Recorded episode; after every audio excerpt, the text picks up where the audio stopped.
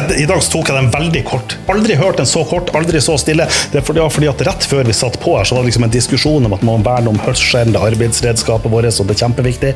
Og hvem er det som er opptatt ut av at hørselen er arbeidsredskapet? Ja, det er jo meg det som jobber som advokat, men nå vil jo enkelte si at en advokat er jo først og fremst ikke opptatt av hørsel med å snakke sjøl, og bli Ja. hørt av andre. Nemlig. nemlig. Og Der ble han Gunnar litt snurt, fordi at hver gang vi starta Juss og Joss, er det liksom han Gunnar som får ordet første gangen. Så her, her bryter jeg liksom spillereglene ved å slenge det rett over på gjesten. Gunnar, hva du tenker om det her? Er du? Jeg tenker jo at eh, at man skal bestandig ta oss og være forberedt på at livet ikke går din vei. Ja. Og eh, man skal ta oss og møte det med åpenhet, toleranse og ta oss og eh, være løsningsorientert. Så jeg tenker at det er helt eh, greit. Og eh, jeg tenker også at denne gangen så, så har vi en, en gjest som vi eh, er sikre på kan levere varene. Så jeg tenker du kan overse meg helt, det gjør ingenting. Ja, altså det er jo ikke noe, jeg tenker, at, jeg tenker at det er noen gjester vi har hatt hvor det er liksom en russisk rulett å ha, dem inn, liksom. Men, Ja. men jeg tenker at invitere Brynjar Røsgaard, det, det, er ikke noe, det er ikke noe russisk rulett. Eller kanskje det er det det er? Nei, jeg er ikke kjent for eh, å være verken uberegnelig eller uforutsigbar på noen måte, så jeg tror det er rimelig safe. Men eh, Gunnar, um, Ja. ordspill på russisk rulett, det bør være no-brainer. Uh, ordspill på russisk uh, rulett. uh, Det bør være no-brainer. det bør være no-brainer. Ah, ja. Mind blown, ikke sant? Selvfølgelig, selvfølgelig, men da er du jo veldig uheldig. Ja, ja nemlig. nemlig. Og det er jo vel det man ikke ønsker. Nettopp. nettopp. Så Skal jeg begynne å snakke med han eh, Brynjar, eller er du eh, Nei, altså, jeg føler at vi, vi er klare for å snakke med, Ja. han, eh, med han Brynjar, men vi må jo vite litt uh, hvem han Nemlig. Brynjar er. Nemlig. Han- han, han er advokat, sier du? Men han Ja. Har vel vært lagdommer? Her er, er liksom, det, Ja. det liksom det Vanligvis er sånn at man blir lagdommer som liksom slutten av karrieren. og Ja, sånn men her. Men, jeg, ble, jeg ble i ung alder eh, spurt om å søke et embete i lagmannsretten. Ja. Og jeg er jo i likhet med de fleste utstyrt med litt grann forfengelighet. Så Ja. da, da slo jeg til på den. og Så da ble jeg landets eh, ja, Vi var to som ble utnevnt det året, og vi var de to yngste lagdommerne i Norge den Ja. Da var jeg 35 år. 35 år lagdommer. Ja, det er Så det er den uteplassen må man være 30 for å komme inn på, stemmer det? Det, nei, du må være 25. Du må være 30 for å komme inn i Grubergata i Oslo. Akkurat, akkurat, ja. Nemlig. nemlig. Men uh, Brynjar, uh, vil det si at du tok din juridiske utdannelse ikke her på vårt utmerkede fakultet? Nei, nå skal du høre at jeg er jo, eh, jeg er jo litt sånn tromsøværing. Og hadde det vært jusstudium her da jeg starta, så ville jeg nok ha starta her. Delvis fordi at da ville det vært i trygge omgivelser, og du kjente halve byen osv. Men så var det ikke det, og så ble det Bergen. Så da ble jeg, da ble jeg kasta ut i det. Fordelen med Bergen var at det var såpass lite miljø at det var rimelig oversiktlig, og vi hadde kontakt med lærerne, og vi hadde faste leseplasser. Og tre fordeler som eh, i hvert fall jeg som tilreisende ikke ville hatt i, i Oslo. Nettopp. Men det høres ut som det la godt til rette for et godt læringsmiljø. Ja, det gjorde det. Gjorde det. Eh, Men etter studiene så eh, så kan vel jeg takk, faktisk ta og så erindre at du eh, kom tilbake til hjembyen og starta som advokatfullmektig, stemmer det? Ja, det stemmer. 1.8.1985 da var jeg utdanna jurist, og da starta jeg hos byens og landsdelens den gang utvilsomt dyktigste advokat, høyesterettsadvokat Gunnar Nerdrum. Det var en nydelig plass å starte. Det var null krav til inntjening. Eh, Ta den tida du trenger, sett deg inn i ting, eh, og, og, og en meget god plass å lære. Null inntjeningskrav og dårlig lønn, så det var en fin kombinasjon. Ja, ja, ja. ja. Men, men hvor lenge var du der, da? Der var jeg i tre, var jeg tre år. Jeg fikk jo advokatbevilling etter to år. Ja. Og så ble jeg dommerfullmektig i Kristiansand, dvs. Si i Setesdal sorenskriverembete, som den gang var selvstendig. Nå er det jo slått sammen med Kristiansand, men det var kontor i Kristiansand. Så da var jeg to år på, på Sørlandet, og så kom jeg tilbake til Tromsø. Altså. Men altså, setes, altså du holdt til i Kristiansand, Ja. og så hadde man saker fra Setesdal? Så. Hadde, hadde saker fra Setesdal, og en del saker reiste vi oppover dalen. Ja, men- Så det var veldig hyggelig. Jeg hadde aldri vært i Setesdalen før. det var Helt nytt miljø, og, og, eh, og interessant og variert. Men da så det var en fin tenkte du tolk, da, eller hvordan var det? Nei, men det hendte at det var vanskelig å skjønne, Ja. å skjønne den eh, lokale dialekt. Men det var spennende. Ja, ja. Og så var det jo veldig hyggelige damer på sorenskriverkontoret. vet du. Det var Godt voksne damer som hadde litt omsorg for den unge eh, dommerfullmektigen osv. Og, så kom jeg meget godt overens med sorenskriveren. Han var, han var rimelig oppe i årene og erkekonservativ. Men jeg hadde jo hatt en erkekonservativ sjef i Tromsø, så jeg var jo vant med det. Så det fungerte fint. Så, så det Gunnar og altså Gunnar Nærdrup Ja. til Gunnar Eriksen og denne sorenskriveren som gjør at du fortsatt er erkekonservativ? eller? Nei, nei, nei, jeg bare ser konservativ. Jeg, jeg, er jo- jeg er jo liberal. Men Men, altså, eh, men altså, du, hadde jo, du hadde jo nyhetsoppslag nå i sommer om at hos oss møter alle advokatene opp i dress på jobb. nei, det, Jeg, vet, sånn, jeg, jeg, men, se på meg, jeg er, jo, jeg er jo liksom en slask, så jeg går Men tenkte at når han Brynjar Østgaard kommer, så må jeg jo ta på meg liksom, T-skjorte med, med men, men se nå her, nå, nå stiller jeg jo til og med uten slips. Ja. Da, da jeg starta som Gunnar Nerdrum, så het det i min ansettelsesavtale at fullmektigen skal være antrukket slik det sømmer seg for stillingen. Og, og, og det var ikke noe mer spesifisering enn det, men, men alle skjønte jo at da var det slips.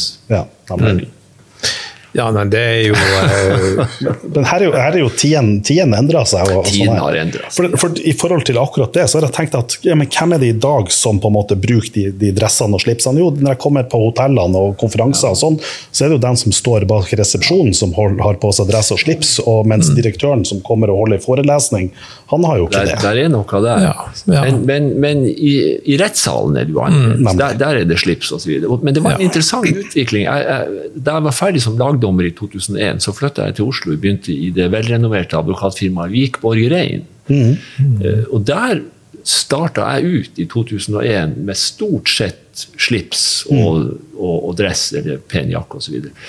Men i løpet av de fem årene jeg var der, så, så endra det seg. Slik at det ble mye mer eh, vanlig å droppe eh, slips. Så det var en, en, en utvikling på tidlig 2000-tall, også i de store forretningsadvokatfirmaene. Ja. Og så kom du tilbake til Tromsø. Jeg, men det var litt sånn gradvis. For jeg husker at første gang jeg møtte deg, det var i januar 2006. Ja, det var altså Jeg, jeg var jo i Vikborg Grein i noen år, og så gikk jeg over i 2007 i, i advokatfirmaet Østgård, som jeg er i nå. Men, men da bodde jeg jo i Oslo. Ja. Og da hadde vi kontor i Oslo og, så, og i Tromsø, så, så hovedkontoret var jo her oppe. Så da drev jeg og pendla mye. Ja.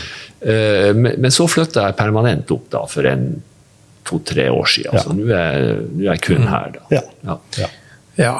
Nei, jeg tenker og sånt, eh, altså med, med dress og sånt eh, det, det, er, det er jo naturlig at man kan vi si, ulike roller kan vi si, må, må være, være ulikt eh, kledd. Og jeg syns det, det er like vanskelig å problematisere at noen går i dress som militære går i uniform. Det, det er helt naturlig. Ja.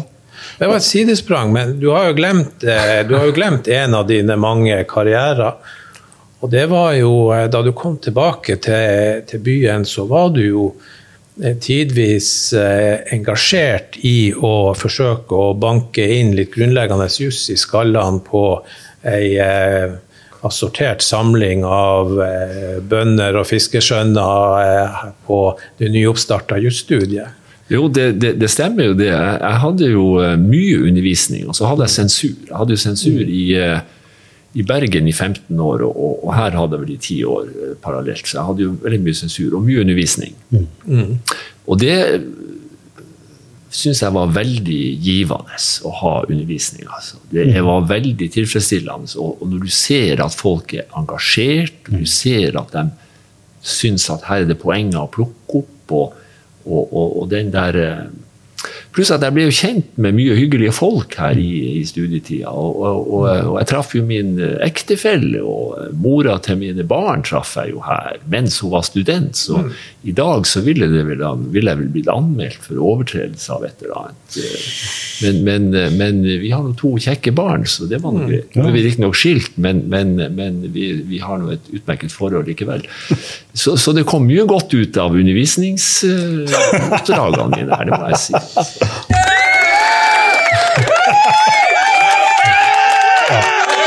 Ja, beklager. Det var Nei, men det jeg, har sånne knapper, jeg lov til å trykke dem. Det er bare at jeg vanligvis glemmer det, men der måtte jeg bare trykke på. Jeg syns jeg var heldig med den. Men Brynjar, eh, du er jo, du er jo en mann som er at, ja, som, som, privatpraktiserende advokat og med mm. e, eget advokatfirma som du er partner i, og sånn, så det er klart at da er du jo delvis prostituert. Um, Ok, ok. Det er du som eh, programleder, så jeg må bare si Nei, men, men, altså, men altså, med, det, med det, det veldig flåsete og selvfølgelig beklager innrige og så videre. Jeg trekker meg, legger den død og maktesløs og så videre. Men, men, men det jeg mener er at sant, det du gjør som advokat, er det at du påtar deg et oppdrag for en klient, og du tar klienten sin sak. Ja. Mens, men det jeg jo også ser med deg, det er det at samtidig som du gjør det, så ser jeg jo også at du er, er du klarer også i den rollen å ha dine egne selvstendige meninger. Det er en del plasser hvor jeg klarer å si at ja, men her, dette, vi, dette, dette er Brynjar. Mm. Dette er på en måte han. Og ser jeg at ja, klientene, dem, måte, når de velger deg, så er det sånn at ja, men det er liksom et, et valg ut ifra noen ting som du er flink, noen ting som du, som du kan. Og så er det noen ting hvor jeg tenker ja, men her er det noen, noen holdninger som ligger der. Ja, eh, hvis det er slik, så eh, er jeg godt fornøyd med det. Ja. Og, og, og, det, det, er sånn jeg oppfatter ja, det, i hvert fall. Eh, og det er jo litt det der at når du, når du skal være advokat, så skal du ikke være papegøye og postkasse. Du skal jo ha en selvstendig holdning både til faktum og juss, mm. men samtidig skal du ta det klientens sak. Ja.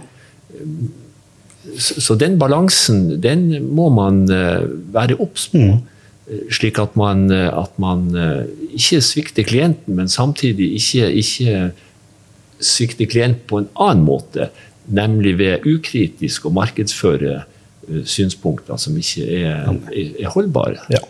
Så, så, den balansegangen der må man, må man, ta med seg. Men, men, det jeg også ser, er et samfunnsengasjement. Under, under koronanedstengninga mm. av det her, så møttes jo vi to i en debatt i, mm. i, i studio i, i Tromsø. Mm. Eh, og da og da tror jeg at du eh, ikke opptrådte på vegne av noen, da tror jeg du opptrådte på vegne av deg sjøl. Ja, der opptrådte jeg på vegne av eh, På vegne av vanvittig mange. På, på vegne av retten, rettsstaten. Nemlig. Nemlig. Og rettstanken. Nemlig. Og, og, jeg, og, der må jeg jo si jeg er skuffa over at det var så lite engasjement mm. i juristkretser. Og Der må jeg få komme med et lite spark til en del ressurssterke advokatfirmaer, f.eks. i hovedstaden, så vidt jeg kunne bedømme, så var det dørgestilt fra det store advokatmiljøet, eh, f.eks. i Oslo, med masse flinke folk, masse ressurser. Det var dørgestilt mm. under nedstengingene når det mm. gjaldt rettsstatsproblematikk. Og det syns jeg er skuffende, og jeg må si urovekkende. Mm. Med tanke på eventuelle senere angrep på rettsstaten. Nemlig. Ja, nei, for jeg syns det, syns, jeg syns at det er interessant. Men det, men det jeg syns er fint med det, og det jeg syns er fint med, med deg i det, det, det, at, det at du er et menneske som røyser opp for rettsstaten. Og da tenk, og nå prøver jeg liksom å pitche deg over på det temaet. Som, fordi, at, fordi at, Hvor er jussen blitt her, og, og hva er jussen, og hva er jussen sin rolle? Og, mm. og er jussen alltid eh, er jussen og rettsstaten alltid det bra, eller kan den jussen bli en samfunnsfiende? Um, ja, eh, da er vi jo straks over i det som jeg hadde lyst til å snakke litt om, nemlig at, at, eh, at jussen, som skulle være et bidrag for å strukturere og drive samfunnet på en sunn måte, har antatt en slik form og en slik dimensjon etter hvert at i en viss forstand så er jussen blitt vendt seg mot det samfunn den skulle mm. tjene. Og det jeg da tenker på, er den uhyre øh, veksten i rettslige reguleringer og rettsregler. Altså, det, er jo et, det, er jo, det er jo blitt et enormt lass etter hvert. Og, og, folk flest, for å bruke det litt løse uttrykket, er nok ikke klar over for en invasjon og ekspansjon vi har hatt av rettslige reguleringer. Og der synes jeg at vi har fått et, et rettssikkerhetsproblem parallelt med et demokratisk problem. Mm. Er det mulig å orientere seg i dette enorme systemet? Og hvem er det som skal fastlegge regler og importere regler? Et stikkord her er jo EØS-komiteen, som ingen har hørt om. Nemlig. Ja, for, det, for, for, da er vi jo på, på Ja, du, du røys jo spørsmålene. Og Det du da henviser til, det er at gjennom sant, I 1993 så vedtok Stortinget EØS-loven. Det er ikke 1993? 92. 92, 92 ja. Og, og, en del ut av den er at, at EØS-reglene skal ha en, en, forrang. Og Så er det på en måte en diskusjon om hvor langt det, det går. Og så er det spørsmål hva er det man kunne forutse da om hvilke regler den påvirkninga det får. Kunne ane bitte litt. Og så ser man at det skjer en formidabel regelproduksjon innenfor EU. Som vi da langt på vei må ta inn over oss. Og det gjør, som du påpeker, et demokratisk problem. Eller problem, i hvert fall et demokratisk spørsmål. Mm. Ja. ja. altså Demokratiproblematikken er jo kjent i EU også. At, at beslutningstagerne kommer for langt unna de som, som, som skal innrette seg etter dette her. Eh, men det er ikke bare EØS-avtalen mm. og den enorme regelimporten derigjennom. Men du har jo også gjennom, eh, gjennom menneskerettsloven. Nemlig. Eh, og, og, det, som, det, er et, det er flere aspekter, men ett aspekt er jo at mye av de reglene som, som vi da må forholde oss til, de er utforma under andre rettstradisjoner. Yes. Med andre, annen begrepsbruk, annen oppbygning. Mm annen tolkningstradisjon. Og det gjør det jo ytterligere vanskelig å skal vi si, orientere seg i, i, i dette juridiske terrenget. Ja, men mye av disse reglene bygger jo på egentlig et felles uh, verdigrunnlag. Men det er jo riktig som du peker på, at på det rent rettslige plan så er det store uh, forskjeller. Og mange har jo problematisert om vi om ti år lenger kan snakke om nasjonal rett. Mm. Så eh, du ser med bekymring på en slik utvikling? Altså, bekymring, du kan si Innenfor f.eks. næringslovgivning så, så, så, vil jo eh, denne samkjøringa med, med, Europa vil jo føre til uh, smidige og gunstige eh, forhold for næringslivet med import og eksport osv. Så, videre. så Så det har, en, det har jo en positiv side. Eh, men, men, det er litt vanskelig for meg å mene så mye om den. Så altså, jeg, jeg, prøver å holde meg litt til den der rettssikkerhets- og demokratiaspektet, mm. Eh, som jeg kanskje er litt mer meningsberettiga på. Og der, der, er jeg bekymra. Uh, og, og, det er jo litt morsomt. Jeg, jeg, tror det var Per Augdals rettskildebok, eller var det en annen bok som kom på 50-tallet, det var en artikkel, jeg husker ikke, men det var en av disse juridiske professorene midt på 50-tallet som snakka om på snakka om eh, en tidligere generasjon, da, da, da regel, altså regelproduksjonen ikke var i nærheten av hva den er i våre dager osv. Og, og, og dette er jo to generasjoner siden. Så hva, hva vedkommende ville ha sagt i dag, det, det, vet jeg ikke. Men du har jo et, et, et element i dette. Det betyr at dette med spesialisering og behovet for spesialisering, det øker. Samtidig får du da den faren at spesialistene kan operere med skylapper. Og så har du en, et tredje moment, som er, det er mange moment å nevne, men et tredje moment her det er jo også kostnader. Mm. For næringslivet og for andre. Det å skaffe seg rede på sin rettsstilling det kan bli en meget kostbar mm. affære. Du må konsultere den ene etter den andre av juridiske eksperter. Og jo mer ekspertise folk får, jo bedre tar de seg betalt. Og så har du det gående. Men Men altså, jeg har, jeg har, jeg har sett litt på, på personvernlovgivninga. Mm. Jeg tenker at Den er et sånn eksempel på det her. ikke sant? Og det, det klart I Norge var det jo sånn at når vi får den, den kjente dommen fra 1952 med to mistenkelige menn ikke sant? Det er jo der på en måte vi begynner på en måte den norske ja. personvernjussen. Og så vokste det jo fram stadig mer. Mm. Men så, så ser jeg på en måte på mitt område i forhold til helseretten, så jeg fikk jeg akkurat et spørsmål her som jeg har sett på nå i, i forrige uke. og så spørsmålet Når starta journalføringsplikten for helsepersonell? Altså, man får opp en, inn en opplysning, så jeg ringer til deg som, som lege og tipser om han Gunnar på et eller annet. Sånn, ja, før du har ringt han Gunnar, før du har vurdert, har du da journalføringsplikt på den telefonsamtalen? Når, når, når starta den? Og Så gjør jeg en analyse på det, så ser dere men ifølge helsepersonelloven så er det sånn at ja, men da starter journalføringsplikten når du har gitt Gunnar et tilbud om helsehjelp, fordi at det må være helsehjelp. Dermed så er det sånn at du etter helsepersonelloven har du ikke en journalføringsplikt før du har tatt kontakt, eller Gunnar har tatt kontakt med deg. Men så får du da personvernforordninga, og du får de GDPR-reglene som da kommer inn. Og ut ifra de reglene så ser jeg at ja, men her starta jo journalplikten på et tidligere tidspunkt enn dette. Ut ifra min analyse Ja. så blir det sånn at ja, men det øyeblikket hvor du hvor jeg gir deg de opplysningene, hvor du vurderer dem, Ja. da er det jo sånn at da har du jo fått en helseopplysning, og du har jo begynt å behandle den. Ja, men da er det jo på behandling av en helseopplysning.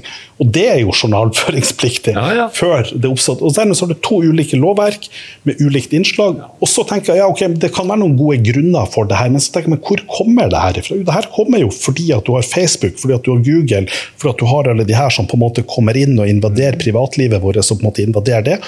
Og det gjør at helsepersonell i en kommune som sitter og på en måte behandler en bekymringsmelding for en person, holder han på å bli psykotisk eller ikke, må vi på en måte ta noen grep her, så kommer disse reglene som er laga for Facebook og Google inn og styrer den hverdagen. Og hva er det Facebook og Google gjør? Jo, når Datatilsynet da kommer og fatter et vedtak i forhold til dem, og sånn som det var i går, kom Oslo tingrett med en avgjørelse i forhold til det, og hvor Oslo tingrett sier at, at ja, men dette kravet om disse dagbøtene, det kan vi jo uansett ikke inndrive, fordi at Facebook ikke har noen inntekter. Så man så lager til noen regler for Facebook som Oslo tingrett, sånn som jeg forstår det, sier at ja, men det kan jo faktisk ikke anvendes, fordi at dagbøtene ikke har en realitet. Jeg, ja. Ja, nei, altså, men dette er jo et nytt aspekt eh, som, er, som gjør hele denne regelinvasjonen betenkelig. Nemlig at du får regelverk som er utforma gjerne av sektorjurister. Mm. Og så kolliderer det med andre regelverk. Og det tredje regelverket. Og du får en regelverkskollisjon som som, som man tidligere også hadde, men, men, men det er jo et økende omfang. Og, og, og GDPR-reglene er jo et typisk eksempel. fordi at Skal du følge det til punkt og prikke For det første kolliderer du med andre regelverk. Mm. Og for det andre så er det ca. umulig å overholde dette. Og, og, og der, der må man jo spørre seg er det sunt i et rettssamfunn å etablere regler som du innerst inne som regelgiver vet at dette her det, det er ikke mulig å etterleve, men, men av forskjellige edle og, og, andre årsaker så, så implementerer vi det. Nemlig. Det, det Nemlig. syns jeg ikke er, er god eh, skal vi si, eh, justisforvaltning. Og når jeg holder, når jeg holder forelesning for, i rettssosiologi for, for studentene, så er et av mine poeng det at, det at når, vi, når vi skal lage en regel, vi skal vurdere å lage en regel, så er det sånn at hvis denne regelen ikke blir fulgt, så bør vi ikke lage den regelen. Altså vi, uansett om vi mener at dette er en god eller dårlig regel, altså selv om at vi er enige om at dette er en god regel, og at sånn burde det være. Men hvis vi kommer til den erkjennelsen at denne regelen faktisk ikke kommer til å bli fulgt, så er min oppfatning at da skal vi ikke lage den regelen. Fordi at da skader vi rettsstaten. Man kan selvfølgelig si at man lager regler som i liten grad blir fulgt, men man, ønsker derigjennom å forsøke å motivere eller, eller, eller ja, påvirke folks holdninger osv. Men Ja. også der skal man jo etter min mening være litt skeptisk og realistisk. Ja, Altså. ja. Det, og, det, og det er jo et litt sånn Det er, det er jo også et sånn For det er klart at fra man lager til en regel altså det, det vil jo være en gradvis innfasing. Eh, mm. altså fra man tar, tar en beslutning til den er realisert. Jeg tenker på, på f.eks. sexkjøpsloven. Altså når, den, altså når den først ble vedtatt. Så tenker jeg at det, det tok tid før eh, folk begynte å bli arrestert, og før du på en måte begynte å få de bøtene. Eh, og så tror jeg at, at, du på en måte får en gradvis endring i atferd og holdninger. Og jeg tror at holdningene til befolkninga til sexkjøp i dag nok kanskje er noe annerledes enn når sexkjøpsloven ble vedtatt. Men det vet jeg jo ikke. Men, men, dersom loven har virka etter, etter, intensjonen, så jeg tenker jeg at det er en sånn typisk lov som da vil påvirke denne holdninga. Um, Mm. Ja, ja det, det, er mulig. Jeg, jeg, jeg, kjenner ikke Det er vel gjort noen undersøkelser der uten at jeg har gjort noe annet enn å lese det med et halvt øye i, i, i avisen osv. Men, men, men det er jo det er vel en del av motivasjonen for en, en del av regelgivninga er vel nettopp denne holdningspåvirkninga. Men der har du et interessant aspekt ved den såkalte hatparagrafen i straffelovens 185, som vel også har en, en, et, et, motiv om om, om å, påvirke folks holdninger. Eh, og der, men der bruker man jo straff som virkemiddel, og det gjorde man vel for så vidt i sexkjøpsloven også. Og, og, det er jo også et annet aspekt. altså Dette med å bruke straff som virkemiddel det bør man være forsiktig med. Mm. Og, eh, og, jeg er jo ikke sikker på at vi er på rett vei når, når, når Norges høyesterett skal sette, sette i, en, i, en, sak og analysere om en sleivete uttalelse på perrongen på, på, Lillestrøm stasjon at du må dra til Somalia, for der er det ikke noe Nav. Om mm. det er innafor eller utafor det straffbare man kan jo være misfornøyd med at folk står og slenger med leppa i halvfylla, men, men skal man jo lage straffregler ut av alt? Mm. Men eh, ja, det er dette med de eh, Veien til helvete er brolagt med gode mm. forsetter, det vet vi jo. Mm. Ja, men, men, men, jeg syns det, det, er et kjempeprinsipielt interessant spørsmål. Og så syns jeg det at i et eksempel du gir, så kjenner jeg at jeg blir litt sånn provosert. For jeg tenker at ja, selvfølgelig skal det være straffbelagt ved det, og så din, din hykler hadde jeg ut herifra. Um, Men, du, vet, at, men, du, men du, vet at, du, vet at, jeg var forsvarer i lagmannsretten for han som uh, slengte med leppa opp ja. på kaia i Finnmark, og den har vi anka til Høyesterett. Ja, det var den der, det var den der Med hall ja, nemlig den der. Den, den anka vi til Høyesterett nå. Jeg leverte anken her om dagen. Så, så vi, og nå, nå, er den sendt fra Riksadvokaten og inn til ja, ja. Høyesteretts ankeutvalg, så jeg regner med at uh, kanskje en tre ukers tid så får vi vite om den kommer inn eller ikke. Ja. Så vil det vise seg om du hadde gått halv da du skrev det. ja, nå skal vi ikke bli privat her. Husk på at jeg møter her som profesjonell. ja. Nei, men eh, når det gjelder å straffebelegge alt, så, så, er jo det litt smak av totalitær stat. Ja. ja for, for spørsmålet, spørsmålet, er jo sant, hvordan er det vi som samfunn skal styre en atferd. Ja. Altså det ene er jo på en måte skal vi styre en atferd, det er jo det ene. Men det andre er at okay, men, hvis vi skal styre en atferd, så er det spørsmål hvilke virkemidler er det vi skal mm. bruke i forhold til det. Mm. Og, og, og, og, så er det spørsmål Og når vi da tyr til straff som et virkemiddel, mm. så er det jo sånn at da er vi på det er jo på en måte den, den ytterste og den, den største markeringa ja. staten kan gjøre. Ja, og da det det, altså. må det være forbeholdt for de alvorligste tilfellene. Og så er det spørsmål om vi ja. det var, jo, det var jo dette utvalget, jeg husker ikke hva det heter, utvalget fra noen år siden, som, da man hadde en sånn gjennomgang av straffelovgivninga, som var helt klar på at man burde, man burde være forsiktig man, med bruken av straff, og man, man, man måtte liksom nær sagt trekke klørne ja, litt inn. Altså. Men, men så kommer det sånne utslag igjen. da, Noen bare finner ut at ja, Sånn som 185, mm. paragraf 185 i straffeloven. Den, jo, den jo, har jo ekspandert for å omfatte flere forhold mm. etter hvert, da, med seksuell legning og det ene med det andre. Og så utvider du feltet for den, eller nedslagsfeltet for den. Mm. Ja, og så, men så, og så er jo mitt liksom, Det som er liksom min, min forundring i forhold til det, fordi at jeg tenker at, at det den jo, en av de tingene den verner, er jo i forhold til diskrimineringsspørsmål. Mm. Og så er det sånn at det er masse grupper i samfunnet som har blitt diskriminert, som har blitt utsatt for en, altså en mm. forskjellsbehandling som er negativ, mm. og som ikke kan forsvares eller rettferdiggjøres på en rimelig mm. måte. Og så er det spørsmål når vi da ønsker å endre på samfunnet på det, så er det jo spørsmål hvilke virkemidler er det man skal bruke. Um, ja, jeg, jeg. Og jeg, jeg, er ikke sikker på at straff uh, er uh, behøver å være det riktige i uh, f.eks. Mm. alle de paragraf 185-tilfellene mm. som vi har. Vi har jo andre, vi har sosiale virkemidler, altså dette med, med holdningsskapende. eh, Sosial utfrysing, for å bruke det uttrykket. Eh, Holdningsskapende arbeid på skolen. eh, Informasjon, hvor folk blir, liksom, får, får litt mer forståelse for, for andre enn seg sjøl, for å si det sånn. Så, så vi har jo andre virkemidler enn straff. Men, men, men, men nå har vi jo nå har vi vel glidd bort fra mitt uh, utgangspunkt om at uh, regelverket holder på å kvele samfunn. Nemlig. For det var det jeg skulle, for det jeg skulle si, det er at nå må vi liksom videre på, på, på, på neste tema her. Og så tenkte jeg det at ja, hva er det, hva er det du ikke har fått sagt? Nå må du liksom få en, en oppsummering på, på Ja. det, som, det som ligger deg på hjertet. Å, vær så god, vent litt, nå skal vi trykke på en sånn Nå kommer det!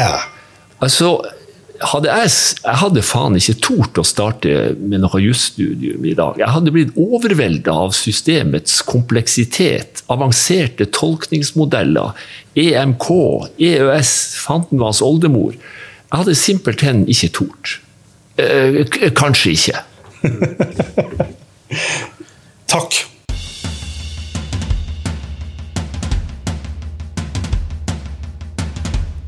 Da skal vi gå over til eh, min sak. Skal du, eh, skal du gå ut, eller skal du følge oss litt til? Ja, altså, jeg kan godt følge dere, Ja. men da, da, da må jeg også få frihet til å komme med noe innspill. Selvfølgelig. Det, det, det, bare, bare Kjør på. Ja. Og jeg aner jo ikke hva som kommer nå, så det kan hende at jeg blir helt stum. Nei, nei fordi at, fordi at det, vi, det vi skal på, på, det er advokatetikk. Vi skal, vi skal begynne på advokatetikk. Og da er det jo et prinsipp om at når du eh, møter opp i retten, og du har en eller annen skikkelig kriminell skurk eh, mm. selvfølgelig, det, Du er jo ikke noen av dine klienter som er det, men, men, men, men, men som blir anklaga for å være en kriminell skurk. Sant? Så er jo din jobb det er jo da å forsvare han. Og da er det jo et poeng at du har som advokat skal ikke bli identifisert med din klient. Altså at du, du skal på en måte kunne forsvare den pedofile uten at du dermed blir kategorisert og klassifisert som pedofil. Em, har jeg skjønt dette? Det, det gjelder både i straffesaker og sivile saker. Nemlig. at Man skal ikke identifiseres. Og nå leste jeg i Nordlys det var en eller annen advokat som hadde fått et noen trussel i, et, i etterkant av en yes. og det, det er veldig uheldig. Men motstykket er jo at advokaten opptrer advokatetisk ryddig. Da kan advokaten med rette si at, si at jeg opptrer korrekt, og, ikke, og, og motytelsen er at jeg skal ikke identifiseres med min klient. Nemlig. Så, så der er en balanse der. altså. Nemlig. Men, men, for, men da kommer liksom den andre sida. Det blir jo det, her- det her med at ok, men, men i hvilken grad er det advokaten er det, hvilken grad er det advokaten kan identifiseres med um, I hvilken grad er det klienten skal identifiseres med advokaten? Altså, I hvilken grad er det de argumentene du fremfører når du forsvarer en klient, i hvilken grad er det det skal være klienten sine argumenter? Altså, Hvis vi tenker på, på Behring Breivik-saken. Her er det sånn at Advokaten står i retten og argumenterer for en Uh, argumentere for at han skal være strafferettslig utilregnelig. Nei, Nei, i- strafferettslig tilregnelig. Sånn var det. ikke sant? Var det han argumenterer for. Og Så kan vi da diskutere ok, men, men hva er det som er klienten sin interesse her. Og da, og da kan vi på en måte argumentere så kan vi si at ok, han, han, han kunne sagt at klienten sin interesse det ville blitt utilregnelig, for da hadde han sluppet en straff um, og fått tvunget psykisk helsevern. Og så er det spørsmålet i hvilken grad er man bundet av klienten sin interesse. Og virkninga ut av det er når, klienten, når advokaten sier noe i retten. I hvilken grad er det jeg kan gå på klienten og si at du, klient, er en idiot som står for dette, for det har advokaten din sagt. Ja, jeg, jeg, jeg, jeg tror ikke jeg har noe sånn enkelt, klart svar, men, men, men utgangspunktet er i hvert fall at advokaten For advokatens del så er han innkalt for å argumentere saken, og ikke for å innestå for saken. Ja. Det er advokatens rolle. Ja. Og når, når advokaten som fagmann argumenterer saken basert på sakens faktiske og rettslige eh, liksom, premisser, eh, så er det jo som fagmann han gjør det ut fra en faglig vurdering av både bevisførsel og juss. Og, og, og da må klienten i rimelig grad kunne lene seg tilbake og si at dette er ikke mitt fag. Jeg overlater det til en som kan det, for å fortelle hva som er den riktige vei mot en mot en, en god løsning for meg. Nemlig. Og hele tida innenfor advokatetiske Ja, rammer. Altså. Og dermed så vil, du, vil også klienten kunne distansere seg. Altså Identifikasjonsfraværet går begge veier, for å si det Ja. slik. Ja, du mener at det er et identifikasjonsfravær. Ja. Ja. Men la oss nå da dra inn regjeringsadvokaten her. For hvis vi da tar Nav-skandalen sånn, Vi åpner opp med at vi tar opp dette med, med eh, klienter Vi, vi, du, vi prater på en måte om en kompleksitet i regelverket. Og Det som da skjer i Nav-skandalen, det er at du får disse reglene, og så er det spørsmål i hvilken grad påvirker disse reglene, hvilken grad de skal tolkes. Og så oppstår det på en måte en sånn diskusjon mellom departementene og mellom Trygderetten, og hvor regjeringa ber regjeringsadvokaten, som er deres advokat, om råd, og regjeringsadvokaten kommer med noen uttalelser som vi ikke kjenner til. Disse dokumentene er hemmelige, for det er regjeringa sine interne dokumenter. Og så er det litt som mitt spørsmål, men disse dokumentene her, i hvilken grad er det disse argumentene som står her, er det regjeringa sitt syn? Er det, er det eh, regjeringsadvokaten sitt syn? Og når regjeringsadvokaten møter opp i retten og argumenterer for noe, når er dette regjeringa sitt syn? Og når er det regjeringsadvokaten sitt syn? Jeg tør ikke ha noen sterke synspunkter akkurat der, men, men regjeringsadvokatens rolle er jo litt spesiell i forhold til en, en frittstående advokat. Fordi at regjeringsadvokaten også er på mange måter en juridisk konsulent, hvis jeg har forstått uh, arbeidsdelinga riktig. Men du har også det samme i, i, i det private. Du har en, en advokat som eh, kanskje har vært med å utforme en avtale. Og så står han et år etterpå i retten og prosederer på avtaletolkinga. Det er etter min mening problematisk. Mm. Men, men av og til så havner man i sånne roller. Eh, Og jeg sto i Høyesterett en gang med en av byens advokater som både var styr, jeg skal ikke nevne navn, styreleder i selskapet, han hadde utforma avtalen, og han sto og argumenterte i Høyesterett om tolking av avtalen. Da sa jeg på forhånd at du prøver deg ikke med noe sånn at, at du liksom skal stå der og være vitne samtidig, og, og, og det gjorde han ikke. Men rolleblandinga er jo der. Rolleblandinga. Og det er jo derfor man i Storbritannia har en, en skille mellom en barrister og solicitor. En barrister han går i retten og argumenterer sakene.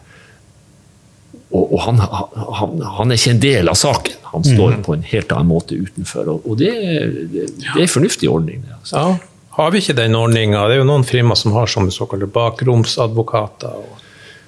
Du har vel noen som prøver å ha rene sånne prosedyreavdelinger, men du får jo ikke den, den adskillelsen kanskje som det engelske systemet, så langt jeg kjenner det. Jeg kjenner det jo ikke godt. altså. Men store banker, der bruker jo ofte bankene sine konsernadvokater å ikke prosedere saker som de har jobba med i sitt daglige. Det er fornuftig. Ja. Det er fornuftig, for plutselig så står du der og er halvveis vitne, og det er nokså pinlig når en prosessormektig må ta av seg kappa og gå i vitneboksen. Det tar seg meget dårlig ut. Og jeg er så glad for at dere leder det på det her sporet. For da skal jeg ta, vri det over på neste kurvball. Fordi at, fordi at, fordi at det, der, vi, der, vi, på en måte er, er nå i, i, i den argumentasjonen, i forståelsen, så er det jo et eller annet med det at okay, men som, som advokat så er det sånn at ja, du, du er på en måte en på et vis er du på en måte en representant for din klient. Du fremfører klienten sitt ståsted, men samtidig så har du ikke hele den fulle kunnskapen om det som er, og det er på en måte noe med sammenblandinga her som kan være problematisk. Og da drar vi, Hvis vi da hopper over på Anniken Huitfeldt For hun er jo da i, i Når vi nå kjører dette opptaket, så er vi da på det tidspunktet i den saken at hun har Um, Ektemannen hennes har handla aksjer, han er nærstående til henne, og han har aksjer som handler aksjer på en sånn måte som har gjort at hun er inhabil. Men ut ifra den kunnskapen og forståelsen vi har om saken akkurat nå, så er det sånn at hun har ikke hatt noe kunnskap om det. sånn at Hun har ikke noe å klandre i forhold til det. Sånn at en som på en måte er nærstående, som har opptrådt på, på hennes vegne, som hun på en måte må identifiseres med, har handla på en måte som gjør at hun kommer i en posisjon som statsråd som er uakseptabel. Og så er det er det på en måte en diskusjon, en prinsipiell diskusjon. Ja, men uvitende inhabil er da, er da det, det, nye begrepet som er dukka opp. Og så tenker jeg, ok, men hvis vi da tenker den advokatetikken, og hvis vi da tenker den, overfører denne diskusjonen til det spørsmålet om når regjeringsadvokaten står i retten, og ministeren vet ikke alle detaljer om hvilke argumenter det som kommer, og ministeren er kanskje uvitende eh, om det som skjer. Så er likevel mitt spørsmål ja, men i hvilken grad er ministeren ansvarlig for de handlingene, de prosesshandlingene advokaten gjør i retten?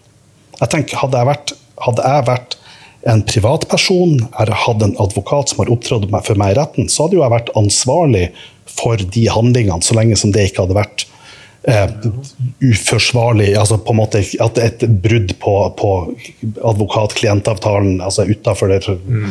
det, man Men så lenge som man på en måte handler på en sånn måte at man må si at det er for å vinne saken mm.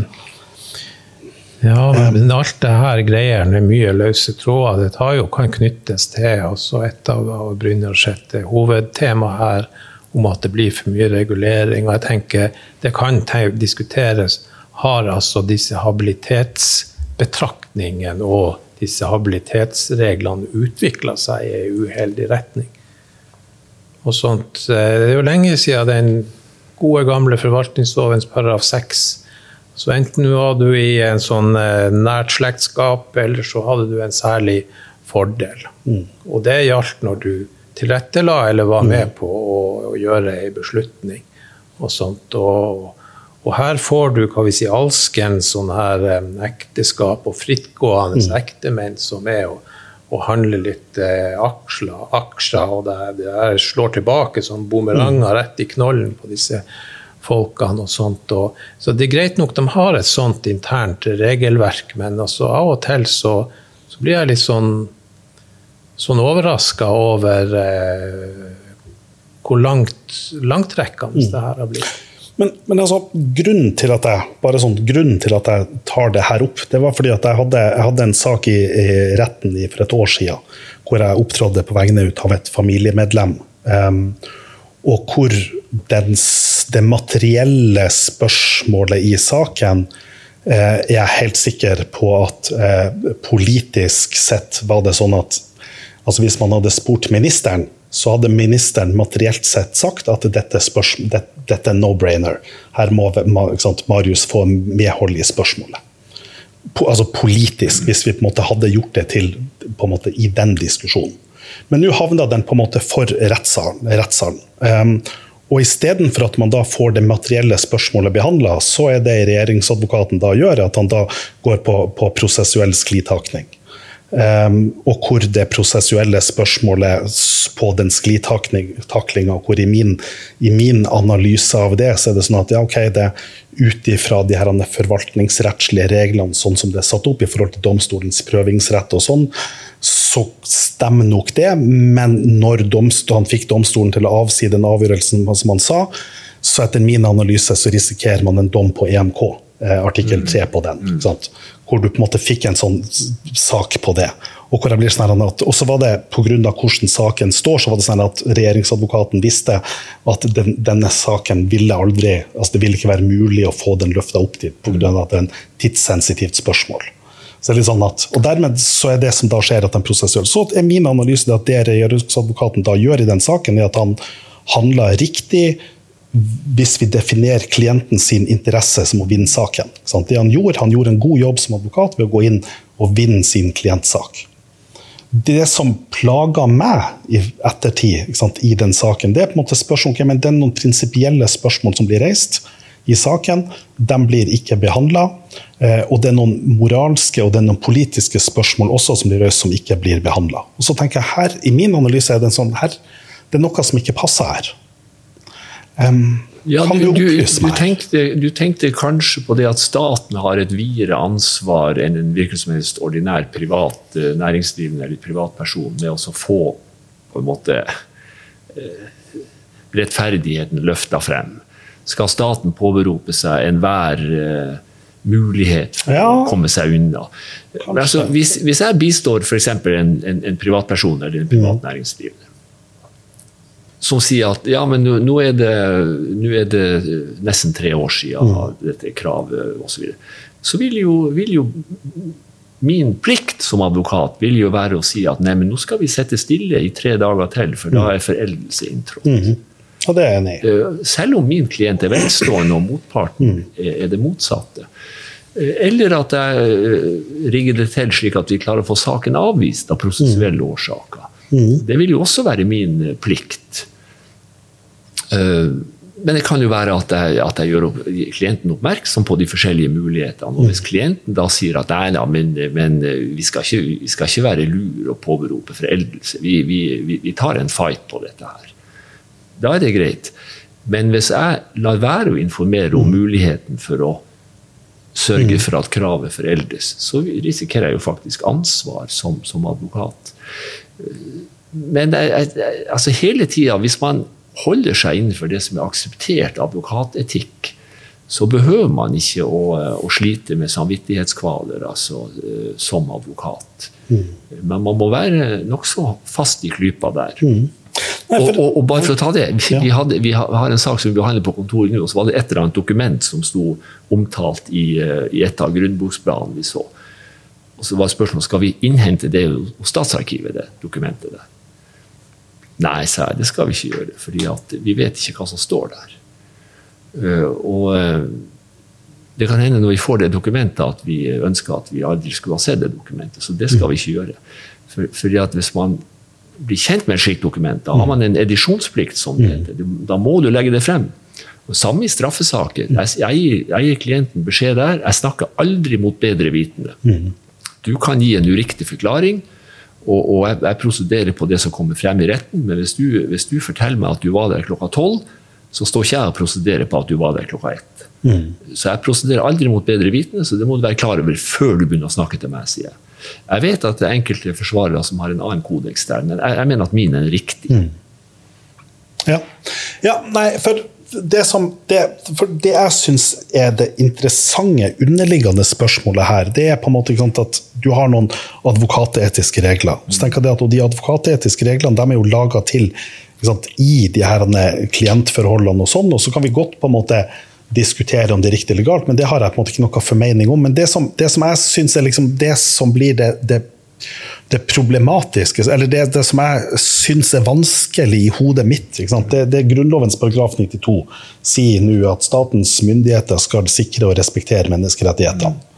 Og så tenker jeg ok, men det betyr at det betyr at hvis vi da, sånn som i denne saken, har et spørsmål, et menneskerettsspørsmål, hvor eh, Min påstand er i hvert fall at det på en måte vil, vil være en krenkelse, mm. men hvor det blir avvist på et prosessuelt grunnlag. Og hvor det menneskerettskrenkelsen dermed ikke blir konstatert og blir unngått. Så tenker jeg som så at det, det, det tenker jeg at det er en fremgangsmåte som en, som en advokat kan gjøre. Men jeg får problemer med å si at statens myndigheter kan gjøre det. Jeg tenker at Hvis forvaltninga hadde gjort det, så tenker jeg at det hadde vært uakseptabelt. Og så blir spørsmålet kan da regjeringa gjøre det? Så tenker jeg, nei, Det er problematisk at regjeringa gjør det. Og så er spørsmålet men kan regjeringsadvokaten gjøre det fordi at han da er fristilt? Det der er jo en litt sånn uh, morsom eh, problemstilling. fordi at regjeringsadvokaten er jo ansatt i staten. Ja. Han har bare én klient. Ja. Og er han egentlig da en advokat i egentlig forstand, eller er han juridisk konsulent for sin arbeidsgiver? Uh, og det kan man jo også si om kommuneadvokat, fylkesadvokat. Uh, der har jo den gjengse oppfatning vært at man, man, man, betraktes som advokat, og man har underlagt de advokatetiske regler. Uh, det spesielle er imidlertid at man har bare én klient. Mm og får sin lønn fra den klienten. Og hva da med advokatens uavhengighet? Uh, og, og, kan man da si at da må man i større grad identifisere regjeringsadvokaten med staten? Uh, kanskje, kanskje ikke, men det er en interessant problemstilling. Ja, jeg, bare, jeg bare kasta ballen, men nå sparker ja. Gunnar meg i foten og sier at vi er at jeg driver på, går inn på tida hans. Han sier at nå er det ti minutter igjen. Ja, for han. Gunnar har en dom. Nemlig han Gunnar har en dom liksom, som vi skal inn på. Det er, au, au, Gunnar. Au. Det,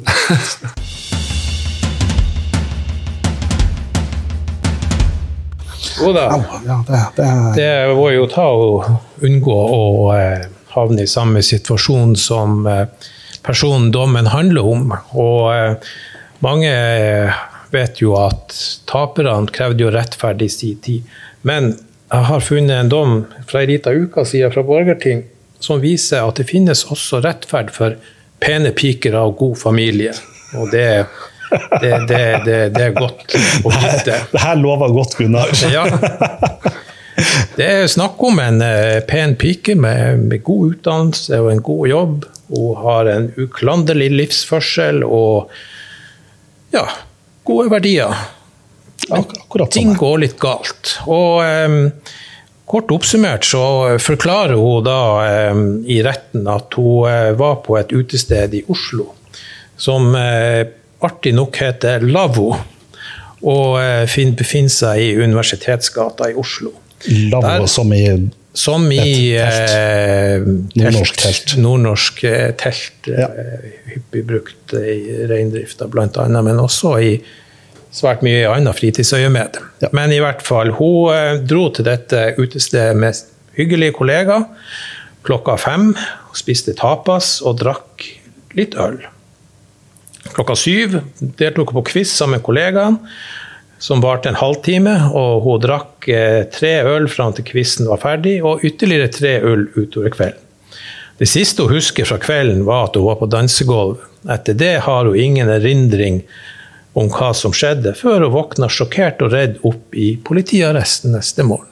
ah, Da sier det seg sjøl at det gikk litt galt her. Og ifølge tiltalebeslutninga ble jo tiltalt for brudd på straffeloven 271. Skarpskodde advokater vil vite at det er kroppskrenkelse. På utestedet Lavvo 15.10.2021 slo og sparka B, som var vekter på stedet. Klorte ham i ansiktet slik at han fikk sår, og dro ham i håret. Neste, straffeloven 155, trussel, skadeverk og annen rettsstridig atferd mot offentlig tjenestemann. Grunnlaget da var at hun slo ned handa til politibetjent C mens han forklarte at hun var uønska på utestedet. 156 annet ledd. Skjellsår og utilbørlig atferd og forulempe av offentlig tjenestemann. På samme tid og sted kalte politibetjent C 'jævla bitch'. Vi begynner å nærme oss slutten, men til slutt straffelovens paragraf 353 første ledd annet punktum, annet ledd, for å ha tilsmusset en gjenstand som tilhører en annen. Hva hadde vår eh, pene pike gjort? Ja, til tid og sted som beskrevet under post 2, tisset hun i politiets cellebil. Ja. Og eh, det her var litt av ei eh, Litt av ei eh, liste, og eh, altså kvelden var enda villere enn en det. Det er jo litt sånn interessant hvordan du får et blikk av kvelden, i hvert fall basert på tiltalebeslutningene. Ja, og jeg skulle jo egentlig ikke sitere det her, men det er jo en offentlig dom avsatt av en, offentlig, av en norsk domstol. og alle under 40 kan jo forlate lokalet eh, øyeblikkelig, men et vitne, vitne D, har forklart at tiltaltes atferd på utestedet var påfallende og oppsiktsvekkende. Tiltalte og en annen kvinne utførte åpenlyse seksuelle handlinger med hverandre. Åpenlys kyssing og løfting av skjørt med det som fremsto som gjensidig fingring med hverandre, midt i lokalet med mange tilskuere som så på og ville filme hendelsen. Da det grep inn og ba dem slutte, så ble tiltalte sint, aggressiv og nedlatende. Tiltalte tok vitnet rundt hoften og uttalte bl.a.: Du liker ikke å se på jenter, du da. Ja. Tiltalte har på spørsmål svart at hun er heterofil. Og eh, det her er jo ganske ville greier, men altså, det ender jo godt. Vår flink, eh, pene pike hun blir frifunnet. Frifunnet for rubb og stubb. Interessant. For å ha eh, tatt og eh, klort opp vekteren, tatt og pissa i bilen, sagt stygge ord til politiet. Det bør man ikke gjøre. Men hun blir frifunnet for Og hvordan klarte hun det? eh, Er vi, skal jeg gjette, eller? Ja, altså eh, Først så kan jeg jo ta og lede deg, lede deg som er en svak sjel ut på eh, ville veier. Og så kan jeg lese da at eh, eh, politivitnet forklarte at tiltalte var lite kontaktbar og fremsto som klart beruset, kranglete, benektende og kverulerende. Vitnet har forklart politivitnet at tiltalte brukte sin egen utdanning som jurist og arbeidssted hos virksom XXX nedlatende overfor politiet, og at tiltalte forsøker å påvirke vitnet under sin tjenesteutøvelse. Ja. Da vil jo du ta oss og gjøre det dine slutninger, men det interessante her er jo ikke verken hennes bakgrunn eller at ting gikk forferdelig galt. Får jeg gjette? Eller at hun eh, var jurist. For det tenkte du på, din fordomsfulle Eh, Det som er interessant her, det var jo da om hun hadde i, i, i gammel strafferettsruss så var, spurte man eh, var, kunne hun vært bevisstløs i gjerningsøyeblikket. Ja, Ja, og eh, kunne denne bevisstløsheten ta da også eh, begrunne at dette vurderes som ikke selvforskyldt rus. Nemlig. Og her gjør jo lagmannsretten da en utrolig grundig eh, jobb. Og analysere begrepet bevisstløshet og gjøre rede for en rettsutvikling som tar at begrepet bevisstløshet omfatter det som kalles for relativ bevisstløshet. Tilstander hvor man kan vi si, er motorisk fungerende, men at eh, hjernen er mer eller mindre kobla ut. Ja. har altså et slags mentalt eh, blackout. Og eh, vi får altså en gjennomgang av kilder, forarbeidene, NOU 1995, strafferettslig utilregnelighetsregel og særreaksjoner, som er utrolig eh, lære, lærerik. Og eh, ja, De sier bl.a. at de organisk betingede tåketilstander kan opptre i forbindelse med hodeskade, hjernesvulst, epilepsi, forgiftninger og ikke minst i forbindelse med den atypiske alkoholrus. Ja. Så eh, det som da er kjernen, er at eh, lagmannsretten tror hun på at hun var utsatt for en sterk bevissthetsforstyrrelse. Et tolkningsmoment i det her eh, var jo, hva vi si da, at hun har, til da hadde hatt en livsførsel som aldri hadde involvert lignende eh, tilfeller. Nemlig. Og, og det kan vi si Det kan ikke eh, brukes, eh, brukes eh, imot henne. At hun ikke hadde vært borti i lignende før. Det som jo Men det er ikke, men det er ikke noe sånn antagelse om at noen har gitt henne GHB eller et eller annet sånt? Jo, det er ja. det også. Lagmannsretten tar da og avgjør det her under sterk tvil på rene bevisvurderinger. Og tar også da og sier at de kunne ikke under utelukke at dette hadde skjedd. Og der er de eh, i, helt på slutten. Lagmannsretten bemerker også at heller ikke de sakkyndige kunne utelukke at tiltalte uforskyldt kan ha blitt eksponert for andre stoffer enn alkohol som kan forklare tiltalts atferd og nevner i denne sammenheng, basert på de sakkyndiges erklæring, at det ikke kan utelukkes at tiltalts ruspåvirkning har blitt forsterket av ufrivillig inntak av benzodiazepiner, som vi har hørt mye om i det siste, eller gamma-hydrokatbutyrat, eller GHB, mm. som eh, det sies. Men eh, i utgangspunktet sleit hun for at eh, det var ikke tatt eh, altså, blodprøve, det var ikke tatt to toksikologisk prøve. Og spesialistene eh, eh, uttalte seg på et veldig vagt og grunnlag, som danna grunnlag for egentlig bare antakelser. Men, men, men dommen er jo interessant, altså. At, Ja. For det er, jo, altså det er jo litt sånn at når jeg, når jeg gjør noe dumt, så har vi et system som sier at jeg skal være ansvarlig for det. Og så har vi også et system som sier at Og selv om at jeg drikker meg dritings, så skal jeg fortsatt være ansvarlig for det. Jeg kan ikke vri meg unna ansvaret for det dumme jeg har gjort, fordi at jeg drikker meg full.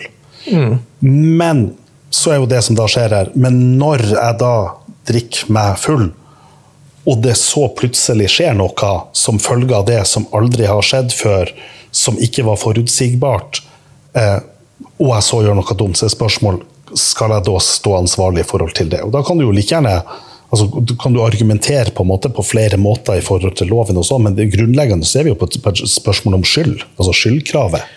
Ja, det er skyldkrav og, og skyldevne, og Nei. ikke minst uh, den, den, store terskelen som er her. Og det, det syns jeg jo er litt uh, modig av, eh, av eh, lagmannsretten, som sier at en mm. samlet vurdering av bevisene i saken og henvisningen til det strafferettslige beviskrav kan lagmannsretten videre ikke utelukke at den sterke bevissthetsforstyrrelsen var uforskyldt, og derfor ikke kan anses som selvforskyldt rus.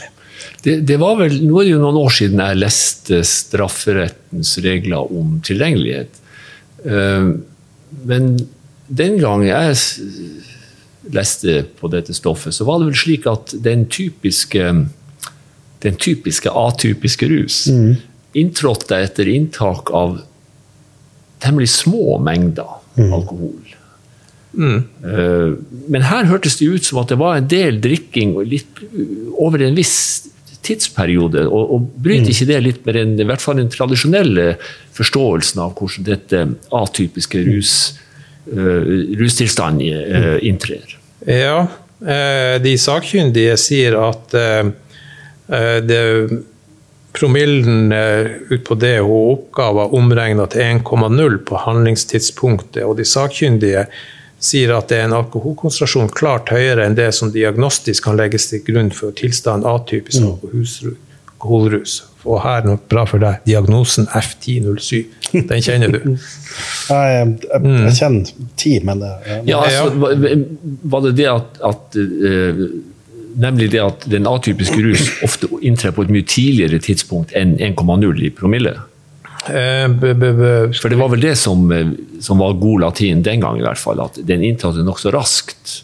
Ja, det, men, men, samtidig, men mm. samtidig så altså 1,0 i promille er jo ikke altså, mm. Det er jo ikke man, man, Det er ikke mye. Det er ikke mye. Nei, det er ikke, det er ikke sånn at du får en sånn her bevissthetsutfall på 1,0 ja. Eh, uten at jeg skal gjøre meg til ekspert på akkurat det. Jeg snakka med en tidligere kommuneoverlege i Kristiansand ja. som var med på en debatt vi hadde om koronatiltak, og han var også ekspert på dette med sånn alkoholproblem ja. Han sa at den optimale, den optimale rus hadde man ved ca. 0,8. Ja. Da, var man, da var man i balanse, fortsatt god kontroll, men rimelig happy. Ja, det, mm.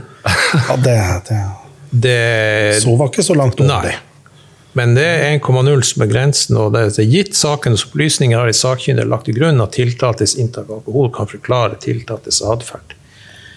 Så kan vi si eh, hun er så eh, avvikende at retten tror på mm. Hun er så ekstrem at det tar på en måte å hjelpe henne mm. i lagmannsrettens bevisvurdering. Vi har et par andre sekvenser. Under inkvireringen av resten opphørte også tiltalte seg ifølge C både ufint, nedlatende og hysterisk. Hun skrek sint og høyt, ga uttrykk for at livet hennes var ødelagt, og truet med å ta livet sitt. Det er jo som å snakke med studenter i begrunnelse på eksamen. Hun snakket nedlatende til arrestforvarerne, spurte om alder og stilling, ba dem holde kjeft og sa at de skulle stille seg i et hjørne.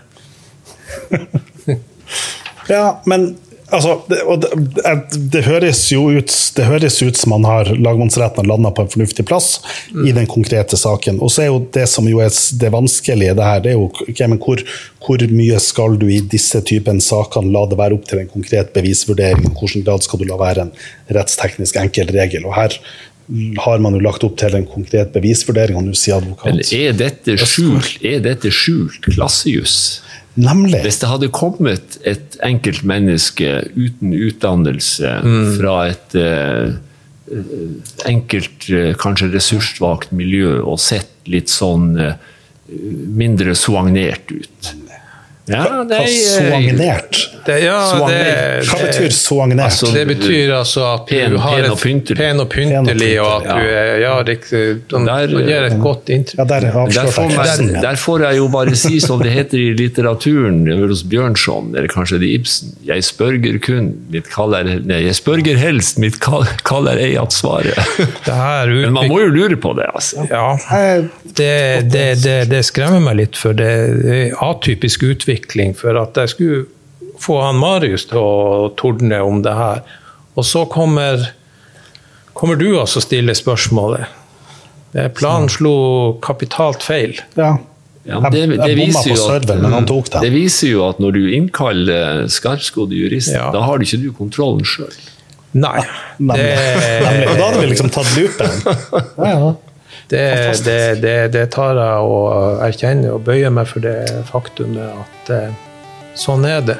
Man kan ikke styre og kontrollere verken omgivelsene eller sine medmennesker, spesielt ikke når de er skarpskodde jurister.